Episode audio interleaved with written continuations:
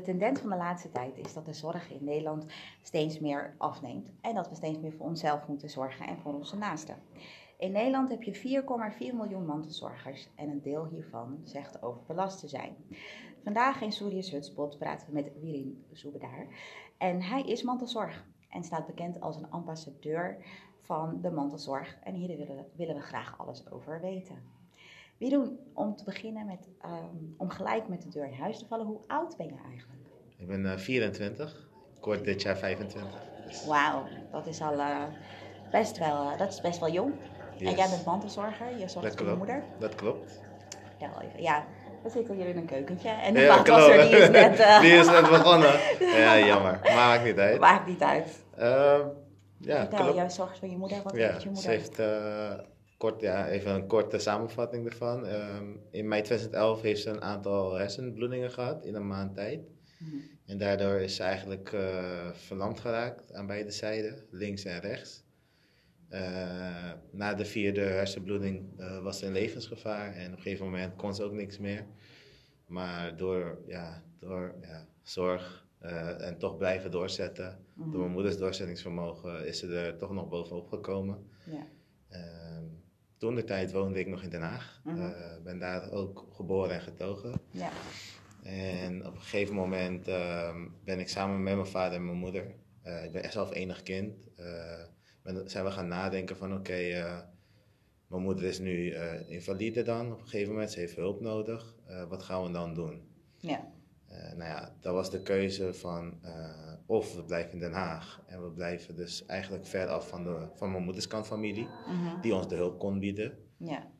Of we verhuizen naar Amsterdam en we, we zorgen ervoor dat we eigenlijk heel dicht bij de familie wonen. Ja. Zodat mocht er wat praktische hulp zijn, dat die geboden kan worden. Oké. Uh, dan moet je denken aan eten, eten uh-huh. bijvoorbeeld in de avonduren of, uh, of iets wat je, wat je nodig hebt met spoed en dan kan je dan lenen bijvoorbeeld. Uh, zulke kleine dingetjes, dat, dat dus is altijd fijn om hier... de verhuizing van, van Den Haag naar ja, Amsterdam. inderdaad. En hoe oud was je toen? Ik was toen 17. Ja. Ja, nou ja, zes, ik was 16, ik werd 17 in dat jaar. Ja toen het gebeurde. En ik ben op dat moment niet direct verhuisd. Mm uh, want ik had namelijk, ik zat in 4 HAVO en ik had de keuze of ik uh, mijn HAVO-diploma dan in, in Den Haag wil, wilde afmaken, zeg maar. Of dat ik mijn HAVO-opleiding dan in uh, Amsterdam zou afmaken. Ja. Ik heb voor Den Haag gekozen. Ja. En dat is meer omdat ik dacht van, oké, okay, daar heb ik de meeste kans om ja. te halen. Nou ja, dus dan heb ik dat uiteindelijk gekozen. Um, en in dat jaar ben ik eigenlijk een soort van volwassen geworden en bewust geworden wat de situatie nou eigenlijk is en wat het allemaal, uh, wat het allemaal met zich meebrengt. Ja. Um, als 17. Als 17-jarige, ja. inderdaad. Ja. Ja, ja. Want je moest dus, heel veel regelen. Klopt. Um, voor mijn gevoel werd ik, op dat, werd ik in dat jaar echt volwassen. En dat uh, had ermee te maken. Ik kreeg bijvoorbeeld zakgeld van mijn vader. En die zei tegen me van oké, okay, uh, ik geef je zakgeld. Jij hebt dit voor één week. En in het begin had ik daar gewoon moeite mee, want dan dacht ik van mezelf van, oh ja, makkelijk joh, even wat eten halen en dan komt het wel goed. En uh, dat ga ik wel heel makkelijk handelen. Maar in het begin, dan denk ik, dacht ik ook niet daarover na van, hé, hey, dat is het enige geld wat we hebben. Ja. Je kan het niet alleen aan eten uitgeven, bijvoorbeeld. Ja. Nou ja, um, dus uh, met fouten heb ik leren, heb ik, uh, heb ik mezelf weer leren, hoe zeg je dat? Verbeteren natuurlijk. En uh, beter op mijn geld passen, beter op een uh, aantal dingen letten. Discipline eigenlijk uh, bijgebracht in dat jaar. En op een gegeven moment ging het ook goed met mijn moeder. Dus we kregen weer haar stem een beetje terug door logopedie. fysiotherapie, begon ze de linkerarm weer te kunnen gebruiken, de voeten werkten weer. Mhm. En daardoor kon ze in een rolstoel toch nog zitten. Mhm. Maar dan was de vraag op dat moment, ehm, dat ging gewoon goed. En mijn moeder wilde ook heel graag naar huis. Ja.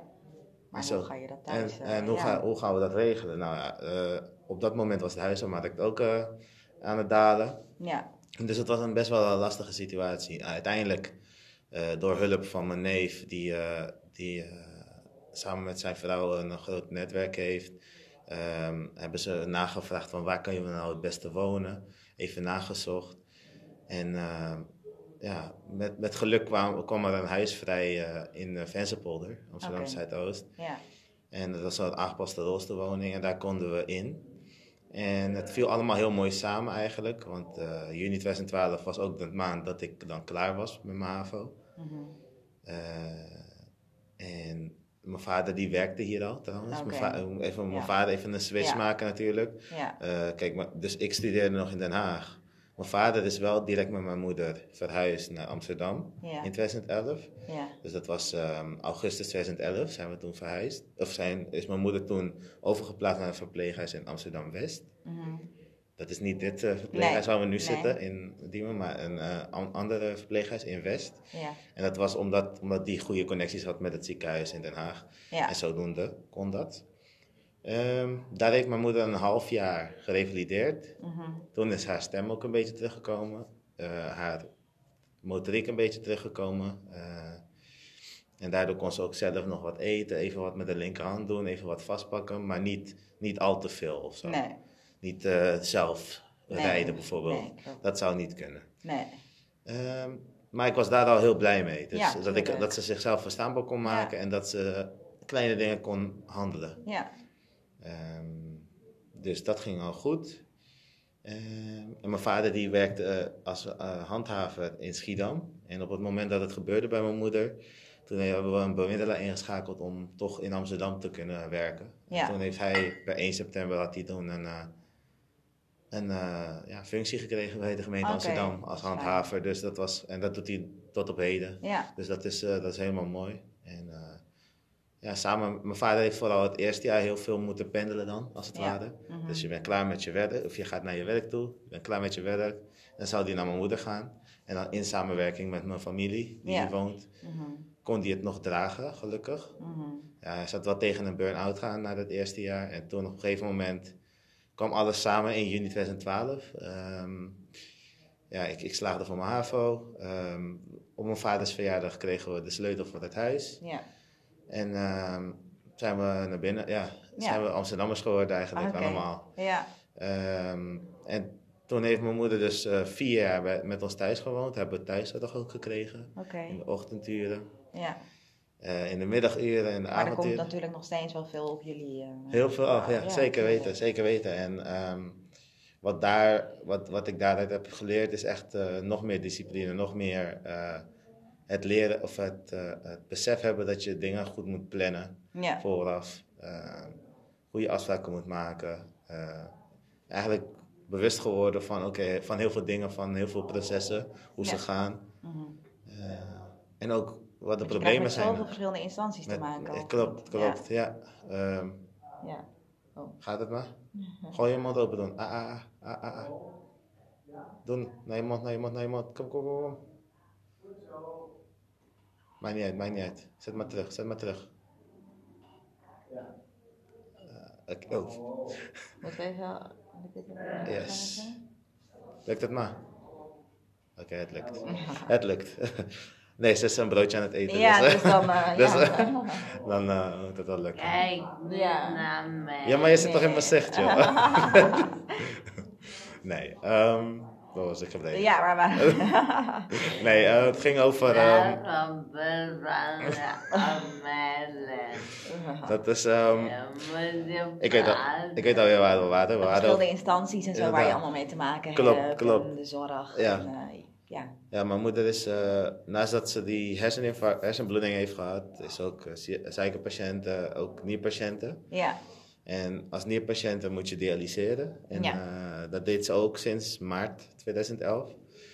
Dus dat was twee maanden voordat ze die bloedingen kreeg, kreeg ze, eh, begon ze ook met dialyseren. Mhm. Daarvoor de, eh, eh, slikte ze medicatie om het toch eh, te houden. Mhm. Want ze is chronisch nierpatiënt, dus ze zou ooit zou ze moeten gaan dialyseren. Ja.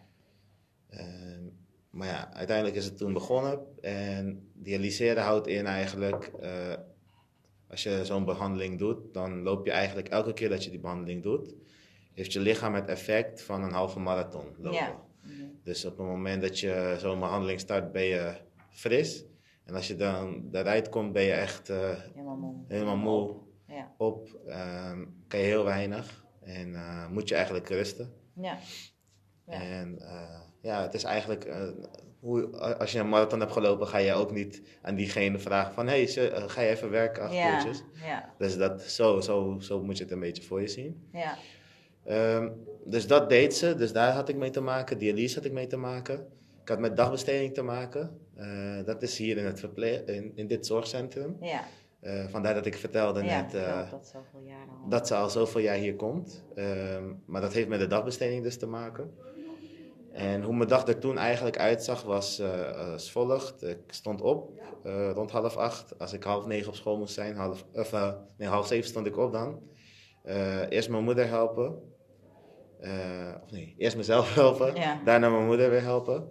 En ik probeerde dat echt gepland te- doen. Want als ik het niet gepland zou doen, dan had ik... Dan zou je tijden niet halen. zou ik, het, zou ik alles heel snel snel moeten doen en dan zou het allemaal niet lukken. Dus daar heb ik al discipline door eh, eh, ja, ontwikkeld, als het ware. Ja. Ehm, en ja, daarna eh, kwam de thuiszorg haar helpen natuurlijk met medicatie. Ik maakte het ontbijt klaar. Eh helpte haar, eh, of hielp haar op de toiletpot. Even wassen. Ehm, wassen in de zin van even de gezicht, even Ja. op tanden poetsen. Mhm. Echt douchen, dat kwam de wijkverpleging doen. Eh, en nadat, nadat de wijkverpleging en de thuiszorg eigenlijk haar hadden klaargemaakt, eh, werd ze eigenlijk ready gemaakt om eh, opgehaald te worden door een busje van de dagbesteding. Dan werd ze naar de dagbesteding gebracht. En op een gegeven moment, rond drie uur, is dat dan klaar. Ja. Daarna werd ze opgehaald om naar de dialyse toe te gaan. En als de dialyse dan klaar was, dan zou ik haar gaan ophalen. Zo, Ja. zo zag ze dat. En of mijn vader of ik zelf zou haar gaan halen. En dan zouden we met de bus naar huis gaan. En dat deed je dan, zeg maar, want toen studeerde je. Ja, je klopt. studeerde, dat deed je dan naast je studie. Dat deed ik naast mijn studie inderdaad. Ik studeerde op dat moment eh bedrijfskunde MER. Ik ben op 1 september 2012 begonnen. En ehm, ja, zodoende eh, deed ik dus dat ook nog naast mijn studie. Dus ehm, zij- mijn moeder was dan bij de dagbesteding en ik kon me overdag dan richten op mijn studie. Mijn vader dan op zijn werk. En eh, zodra het eigenlijk avonturen was, dan was of mijn vader aan het koken of, of ik was een keertje aan het koken. Dan ging mijn vader mijn moeder halen. Dus zo probeerden we het eh, te verdelen. En als het ons dan niet lukt om te koken, dan hadden we altijd de familie nog. Ja, Dus dat was, de, dat was op dat moment de situatie. ja. Eh, En want hoe is het nu? Want nu woont ze hier in het huis. Klopt, dan ga ik nu naartoe. Inderdaad, ja. inderdaad. Dat is een tijd terug, hè? Ja, ja. Juni 2012. Het is nu inmiddels 2019, dus zeven jaar verder. Nou, in de tussentijd is er heel veel gebeurd natuurlijk. Eh, mijn moeder heeft uiteindelijk vier jaar hebben we zo geleefd eh, thuis. Mhm. En op een gegeven moment in juli 2016 heeft ze een eh, terugval gehad en dan weer een bloeding dus. En die is haar toen fataal geworden als het ware. Fataal in de zin van dat ze niet meer zelfstandig thuis kon blijven. Ja. Kijk, je moet je voorstellen als je dan wordt opgehaald door de bus van de dagbesteding, wat ik, waar ik het net over had, in de ochtend. Dan moet je eventjes alleen blijven. Eventjes een kwartier tuurlijk. of een half uur. Een kwartier tot een half uurtje. Hoop je dan, zoiets. Ja. En ehm, dat zou ze dan niet kunnen. Nee. Op, een gegeven, op een gegeven moment was mijn moeder dus op een toiletpot aan het zitten. En toen, Is eh, ja nee, ze kon niet rechts meer zitten. Ze, eh, omdat de coördinatie in de hersenen eh, ja, beschadigd raakte. En eh, het is nu wat minder. Het is Ja. weer, ze heeft het weer wat meer teruggekregen. Mhm. Alleen ehm, was het dan weer een, een, een heel proces geweest om haar weer terug te krijgen. En dan weer, stel je voor dat er dan weer iets eh, minder ging, dat het weer terug moest. Dat was, dan blijf je bezig, zeg maar, op en neer, op en Ja, neer. En dat ja. is niet de bedoeling. Dus toen hebben we ook echt besloten om het dan maar voor vast te zetten.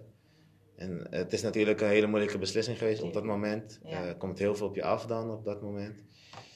Maar het was zo beter zo. Eh, in die maand, het is een beetje een pechmaand noem ik dat altijd, ehm, heb ik ook mijn enkelband gesche- afgescheurd. Oh nee. Bij een opname voor een eh, ministerie. Mhm. En ik dacht van yes, ik, eindelijk een opname voor een ministerie. En we waren aan het voetballen en op een gegeven moment moest ik doen alsof ik ging juichen. En ik rennen zo en ik juichen, juichen, maar ik had een steen had ik niet gezien. Dus ik Oh, viel, in de sprint viel ik. Dus eh, nou ja, dat is pech. eh, maar het moest zo gebeuren achteraf gezien. Ja. Ehm, ik was op dat moment op zoek naar een afstudeerstage. Nou, dat kon op dat moment ook gewoon eventjes niet. Eh, ook met de zorg van mijn moeder. Dus dat, dat was een beetje, ja, die zomer moest ik even overleven. Ja. September 2016 ben ik toen ook gaan werken, et cetera, et cetera. En vanaf december 2016 kreeg ze hier echt een, eh, echt een plaats in Ja. een verpleeghuis. Je hebt een wachtrij namelijk. Mhm. ze lag hier eerst in het AMC Mhm. toen het gebeurde. Dus ehm, toen kreeg ze dus een bloeding, eh, lag ze in het AMC. En vanuit het AMC werd ze ontslagen en naar het revalidatiecentrum gestuurd. Ja. Om te kijken of, de, of, eh, of, of ze nog wat beter kon worden, zeg maar. Want het was een TIA, dus het zou, het zou kunnen. Maar Ja. een TIA is een tijdelijke eh, eh, hersenbloeding. Ja. En je hebt een CVA en dat is voor altijd. Ja. Ze had een TIA gehad en die was tegen de coördinatie aangegaan. Ehm, nou ja, op het moment dat ze bij het revalidatiecentrum lag, eh, hebben we met die arts besloten, in overleg met die arts, besloten om haar hier eh, te laten opnemen in een verpleeghuis 24-7. Ja. Eh, en ze komt er gewoon voor in aanmerking. Ze heeft de hoogste eh, indicatie. Je Mhm. hebt 1 tot, en met, v- 1 tot en met 6 volgens mij. Mhm. Mijn moeder heeft 6, dus dat, eh, dat mag gewoon. Mhm. Ehm, alleen moesten we even wachten. En per december 2016 ehm, had ik eh, mijn stage, stage gevonden. Mhm. Mijn moeder kwam in het verpleeghuis te wonen. En dan zou je denken van oké, nu valt er iets van je Ja, af. klopt. En dan komen de mooie tijden. Ja. Oh. Ehm, en dan, kom, eh, dan zou je denken van, nou, het gaat nu helemaal crescendo en eh, we, gaan, we gaan er gewoon voor in één keer. Maar toen was er juist een moeilijke periode voor mij. Ehm, scriptie kwam eraan, mijn moeder had natuurlijk, woonde hier. Ja. En er komt heel veel op je af, het is opeens heel iets anders. Kijk, als je, als je gewend bent om 's ochtends echt voor je moeder te zorgen en dan ben je daarin gestructureerd, dan ben je daar Ja. al, al gewend aan. Op een gegeven moment werd ik dus wakker en toen was mijn moeder er niet. Nee, klopt. Ja, dat is, dat is even wennen. Ja. Maar achteraf gezien dacht ik ook, eh, is het ook gewoon een hectische, drukke periode. Dat is afstuderen, daar komt iets Ja, bij kijken, zeg maar. Ja. En je wilt jezelf bewijzen. En eh, ik ben daar, daar een beetje aan onderdoor gegaan, achteraf gezien. Ja. En daardoor ook in een depressie beland. En daar heb ik ook gewoon naar buiten, naar iedereen ook eh, gecommuniceerd. Waarom deed ik dat? Ehm, omdat, ehm, ja, het is, het, is- mantelzorg is, is namelijk ook, aan de ene kant is het mooi, aan de andere kant is het ook erg zwaar, zeg maar. Tuurlijk. Ja. En op het, moment, op het moment dat je het heel erg zwaar vindt, dan wil je het na- namelijk niet delen echt met iedereen. Mhm. Ik had, inmiddels had ik al een aantal interviews gegeven en wist iedereen wel een beetje van mijn situatie. Mhm. Dus toen dacht ik van oké, nee, dit moet ik wel delen. Want het is heel belangrijk dat anderen zich ook eh, ja, kunnen voorstellen dat het zo gebeurt. En eh, als je dan ooit mantelzorger wordt, dat je daar ook rekening mee houdt. Van, Ja, hey, tuurlijk. het kan een keer misgaan. Dus Ja. ga er niet blind van uit dat je hè, alles aan kan. Je, eh, je mag het denken, maar wees, wees bewust dat er, dat er altijd iets kan spelen. Dat je opeens, Tuurlijk. opeens eh, ben Ja. je minder, in- minder, mentaal minder, eh, minder sterk, zeg maar. Dat heeft Eh, iedereen ook al, ben je geen man. Nee, klopt, klopt, Ja. inderdaad. En, nou, maar maar eh, ik denk dat omdat je dan bezig bent met voor te zorgen voor iemand, dan, ben je, dan vergeet je jezelf af en toe. Ja, en, dat is, en dat is dan Ja. het gevaar, zeg maar. Ja. Dus ik vond het heel belangrijk om dat te delen. Uiteindelijk ook mezelf geholpen ermee, want eh mijn afstuderen natuurlijk, wat ik net al vertelde. Eh, Maar vond je, toen kon je jezelf dan even op nummer 1 zetten? dat, was, dat was heel lastig op dat moment inderdaad. Eén natuurlijk, mijn school zelf natuurlijk. Hè. Ja. Je moet het natuurlijk ook verantwoorden van wat doe je nou, Wa- wat is er nou aan de hand. Gelukkig had ik al verteld aan de begeleider die ik had van school en van de stage. Ik liep bij de gemeente Amsterdam dan stage. Ehm dat ik al- allebei al heel eh, nauw contact hierover. Van, Mhm. eh, ik zorg voor mijn moeder, hou daar wel rekening mee. Ja. Ehm, en zij, zij vonden het allebei gewoon goed. En, en eh, goed dat ik het aangaf en gaven me ook de ruimte ervoor. Ja. Dus dat, daar, daar ben ik de gemeente Amsterdam en de Hogeschool van Amsterdam nog steeds heel erg dankbaar voor. Want Ja. als ik dat niet had gehad, dan was, het, dan was ik weer eh, nu nog denken aan het studeren. Ja. Want op een gegeven moment ben ik dus in april even, heb ik even stopgezet, april 2000 2017. Ja. Dat is toch wel drie maanden nadat mijn moeder dus is opgenomen. Ja. Heb je Mm. toen alles gestopt gezet? Eventjes, ja, heb ik ja. even de break gezet op alles, goedemiddag.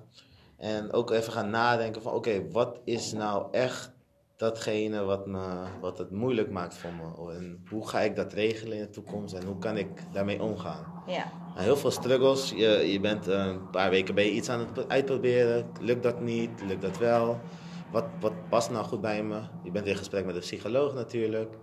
Aantal sessies, eh, dat neem je dan weer mee. Op een gegeven moment in oktober, november voelde ik van oké, ik ben weer op de goede weg. En het ging weer een beetje omhoog, of beter. Ja. En staagt omhoog. En, maar ja, het, het vlotte maar niet, het afstuderen. Dus dat zat me wel dwars.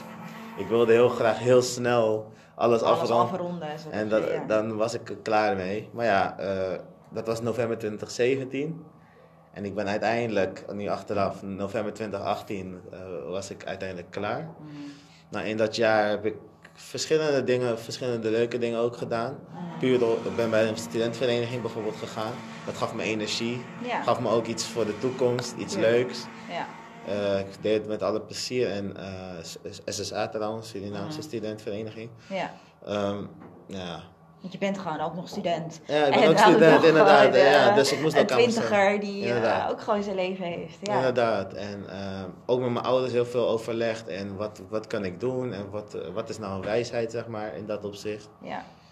Ehm, en zodoende eigenlijk eh, doorgegaan. En uiteindelijk afgerond mijn studie. Ja. Eh, uiteindelijk twee jaar vertraging. Dus maar dat, maar kijk, ik, ik zeg maar, ik zeg twee jaar, eh, omdat ik gewoon baalde dat het die twee jaar eh, uiteindelijk is. Maar eh, aan de andere kant, het heeft me wel wat gebracht. Iets voor mijn hele leven, zeg maar. Ik sta, ik ben nog aan het begin van mijn carrière eigenlijk. Dus als ik het nu al heb meegemaakt, ben ik al, ben ik al een ervaring rijker, zeg maar. Ja. Dus zo, je kijk hebt ik ook heel ook veel naar. levenservaring opgedaan. Zeker. In, in zo'n kleine, ja. kleine korte tijd, zeg maar. Zeven jaar. Ja. Acht jaar nu, sorry. Acht jaar. Ja. Dus ja. Ja. Nee. Maar wat is dan, zeg maar, want je, eh, want je moeder is dan nu in, in of verblijft in een verpleegtehuis, daar is ze 24 uur 7. Ehm, nog steeds moet jij heel veel zorg verlenen, want Klopt. je zou verwachten dat Klopt. dat minder zou zijn. Ja, dat, is, dat heeft, eh, heeft natuurlijk met de bezuinigingen te maken in de zorg. Eh, sinds 1 januari 2015 is, het, is de zorg dus overgeheveld van de overheid, de Rijks, Rijksoverheid, naar de gemeente.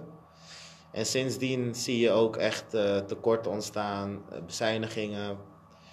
Ehm, ik kan wel een mooi voorbeeld geven. Eh, ik was bij Jinek uitgenodigd om over mijn verhalen te vertellen.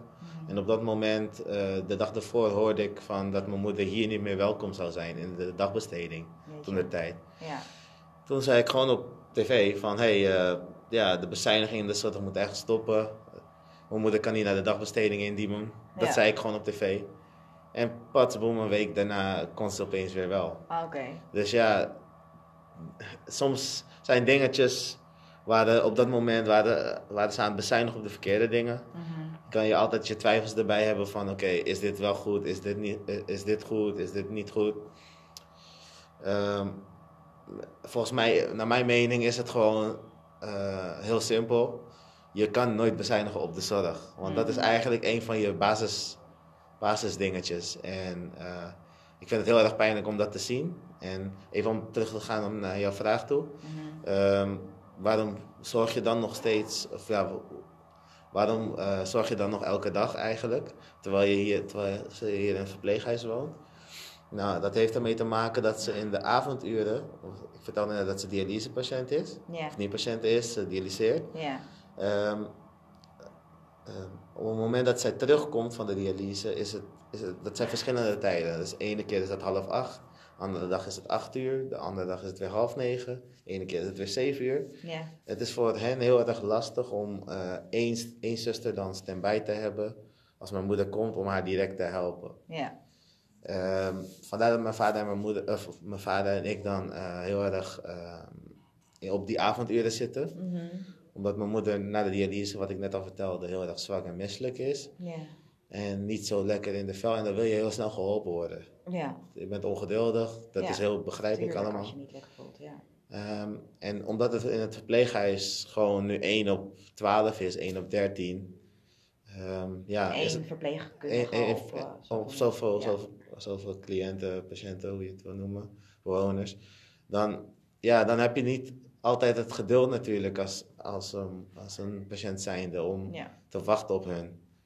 Ehm, de, de mensen die hier werken, die doen echt goed werk, echt, echt hun uiterste best, dat weet ik. Alleen het is, ja, soms gewoon onmacht gewoon van Ja. hen. Ja. En op die, op die manier kan, eh, kan een patiënt gaan lijden als diegene zo lang wacht. En dat wil ik niet. Ik wil Nee. mijn moeder dan wel helpen ja. op die manier. En zodoende gaan wij dan, halen we haar altijd op vanuit het AMC, zodat we in één keer mee kunnen met haar en dan naar boven. En hier haar dan helpen Ja. met wat eten, met wat drinken. Ja. We proberen dat ook te scheiden, want mijn vader heeft ploegendienst, ik werk nu bij Bob.com. Dus, Ja. dus zo proberen we elkaar dan een beetje aan te vullen in, in roosters, in, eh, en wie, wie wanneer komt. En wanneer. Dus dat is ook nog een heel, hele organisatie. Ja, maar, dat, Helemaal, eh, ja. maar, maar daar begon ik volgens mij het gesprek Ja. een beetje mee met het plannen. ja. Dus dat heb ik al eh, heb onder de knie. Ja. mijn vader samen. Dus dat is wel eh, goed ook. Ja. Oké. En ja, je vertelde net al bij Jinek, je doet veel media optredens. Ja. Ehm, Ja. ja. ja, daar moest ik nog wat over vertellen natuurlijk. je, hebt ook, je hebt ook een oproep gedaan aan premier Rutte. Klopt, klopt. Dat is in 2017 geweest, vlak voordat ik eigenlijk besloot om even te stoppen met mijn studie. Mhm. Dus eh, ik zat een beetje in, in, in die fase, zoals dat. Eh, ik heb niks meer gehoord van eh premier Rutte. Ehm, maar ja, ehm, het was dus een project van RTL Nieuws. Omtrent de verkiezingen natuurlijk. En op een gegeven moment vroegen ze me ervoor en toen dacht ik van... Ja, hier wil ik wel meedoen en, en echt een statement maken. Ja. Gelukkig zijn er wel een aantal debatjes daarna geweest van... eh, waar kunnen we dan nog meer geld inzetten? Mhm. Maar wat ik heel erg vals vond, en dat heb ik toen ook nog op Facebook even ergens gezet, ook aan, aan, aan mensen die ik van de VVD ken, die heb ik dat ook doorgegeven. Ze hebben toen een promotiefilmpje gemaakt van, we hebben 2 miljard in de zorg extra Ja. erbij gezet. Mhm.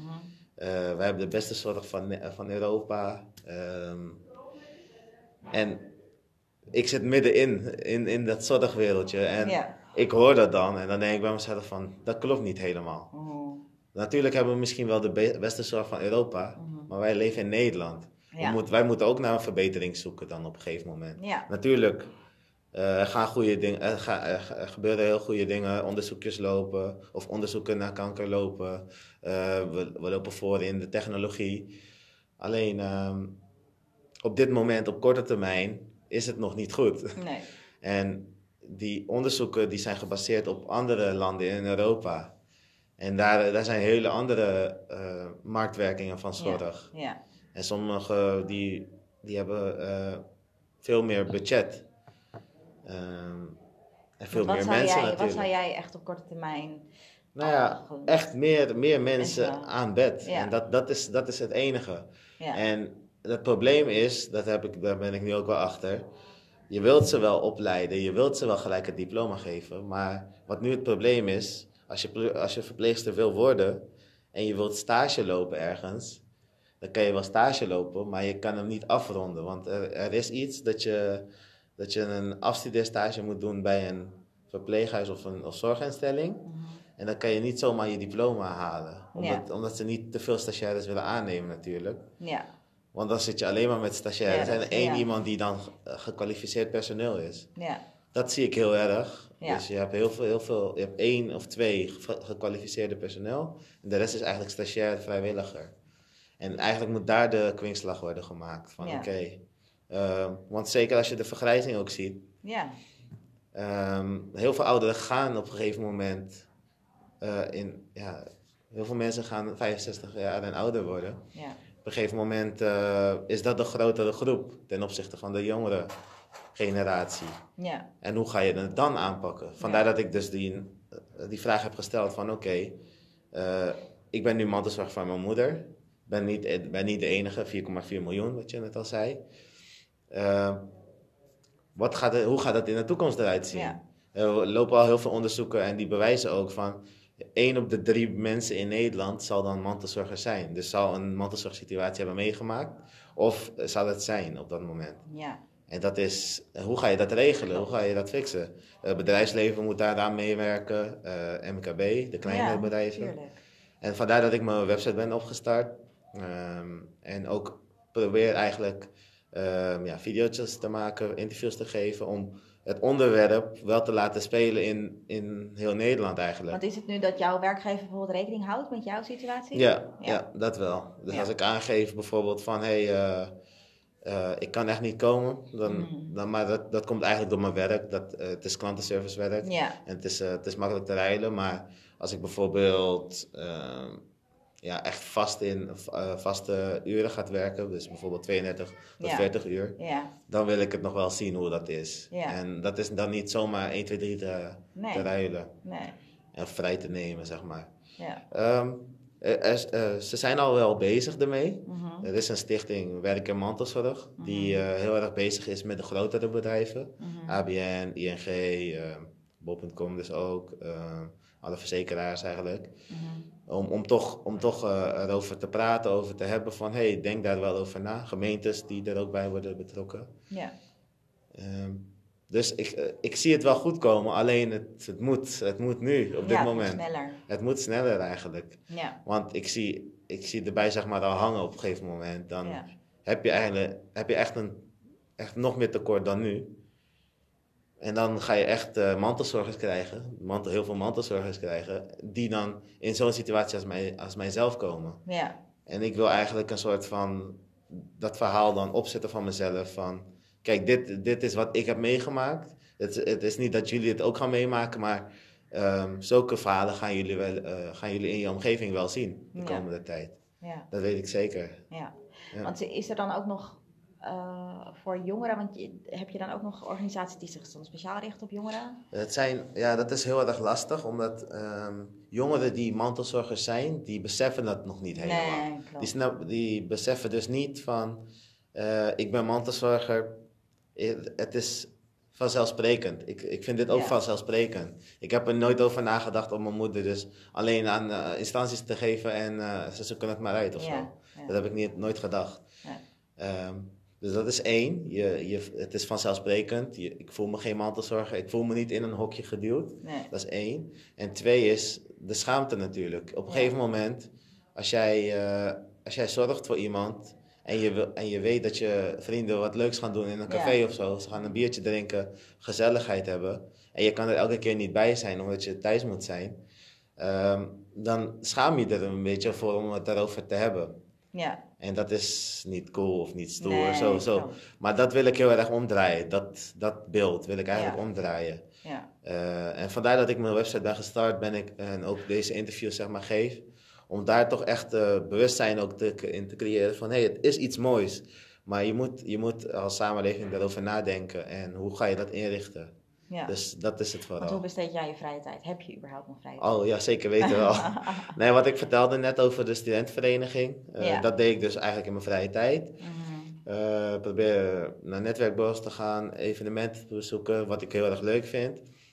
Ehm, en ja, verder, verder gewoon ook met neven, met mijn Ja. neven natuurlijk. Eh, ja, vrienden ook wel af en toe. Gewoon Ja. een avondje uit. Maar dat heeft ermee te maken, dat hangt er per week ervan af of mijn vader avonddienst heeft, ja, Ja. of nee. Ja. Ik moet wel zeggen, nu mijn moeder in een verpleeghuis woont, is dat wat makkelijker voor mij om, dat, om die afspraken te maken. Want toen ze thuis woonde, was dat heel erg moeilijk. Dan, Ja. eh, dan wilde ik in de avonturen bijvoorbeeld weg en dan kon dat niet omdat ik alleen met mijn moeder was. Eh, omdat mijn vader een avonddienst had bijvoorbeeld. Ja. Maar nu, als mijn vader een avonddienst heeft en ik, en ik heb een avonddienst, dat komt één keer in de zoveel tijd komt dat voor. Dan vragen we de verpleging al van tevoren van, hé, hey, we zijn er niet Ja. probeer er toch een of, op een of andere manier toch eh, rekening mee te houden. Ja. Ik probeer dan af, eh, achteraf even te bellen van, eh hey, hoe is het allemaal gegaan? Ja. En ook even door te geven wanneer ze hier is. Want ik krijg een belletje altijd van het ziekenhuis, wanneer ze wordt opgehaald. En eh, dan dat dan weer doorgeven. Ja. Om zo toch een beetje erbij te zijn. Ja. Dat is een beetje voor nu mijn oplossing als, ik echt, als het echt, echt niet anders kan. Nee. Maar dat is niet ideaal, Nee. moet ik heel eerlijk zeggen. Ja. Ehm, dat was het eigenlijk Ja, een beetje. zo qua een vrije tijd. Maar dus je hebt gelukkig Ja. nog wel wat tijd voor jezelf. Zeker weten, jawel. Ja. En, en vind jij dat, eh, ehm, want je ziet natuurlijk nu dat, dat eh, inderdaad meer mantelzorg, de, de Mhm. zorg komt ook meer, dat je, dat je meer voor je naasten moet Ja. zorgen in vergelijking met vroeger. Klopt. Zou je, dat, zou je weer terug willen naar die oude situatie? Of, of Nee, dat kan niet. Nee, dat, Dat- kan, dat- kan, kan- sowieso niet. Dat is nee. het een beetje. Het is, eh, kijk, ehm, de, eh, wat, wat er nu in het politieke landschap aan de hand is, is SP die vertelt dus ook, eh, dat er een nationaal zorgfonds kan komen. Mhm. En de andere partijen die zijn wat meer van, hey, eh, marktwerking is goed, maar daar kan er wat, daar binnen kan er wat geschoven worden. Ja, Ehm, ja, ik, ik vind ook inderdaad dat die marktwerking er gewoon wel goed is. Mhm. Want als je niet teruggaat, dan moet je heel veel, ehm, ja, heel veel, regel, heel veel regels komen er dan nog bij. Ja. Van, je valt of in de oude regeling of in de nieuwe regeling bijvoorbeeld. Mhm. Eh, de kosten, dan weet je niet precies per persoon hoeveel dat is. Dat is nog niet helemaal uit, uitgerekend en doorgerekend. Dus ehm, wat ik, hoe ik het nu zie is eigenlijk eh, als volgt. Ehm, ik weet dat de, meneer, eh, de minister van Volksgezondheid is al bezig met een campagne van Ik Zorg. Ja. Om veel meer mensen in de zorg ehm, binnen te krijgen en echt eh, ehm, aan een baan te helpen binnen de zorg. Het is een campagne die, is, waarbij heel veel, heel veel personen spreken natuurlijk. En ik hoop dat dat wel een beetje in- invloed heeft. Mhm. En aan de andere kant denk ik ook van, dat is wel lastig, want eh, het is namelijk ook het beeld wat er, wat er staat hè, bij de zorg. Eh, ja, je moet toch eh, sterk in je zonen staan, heel veel, heel veel werk, de werk is best wel hoog, Ja. tegen heel veel dingetjes kunnen, dus dat is eh, Heel voor mij voor, voor, wat, voor weinig geld natuurlijk, Ja. klopt. relatief weinig geld inderdaad. Ja. Dus daar, daar moet je inderdaad...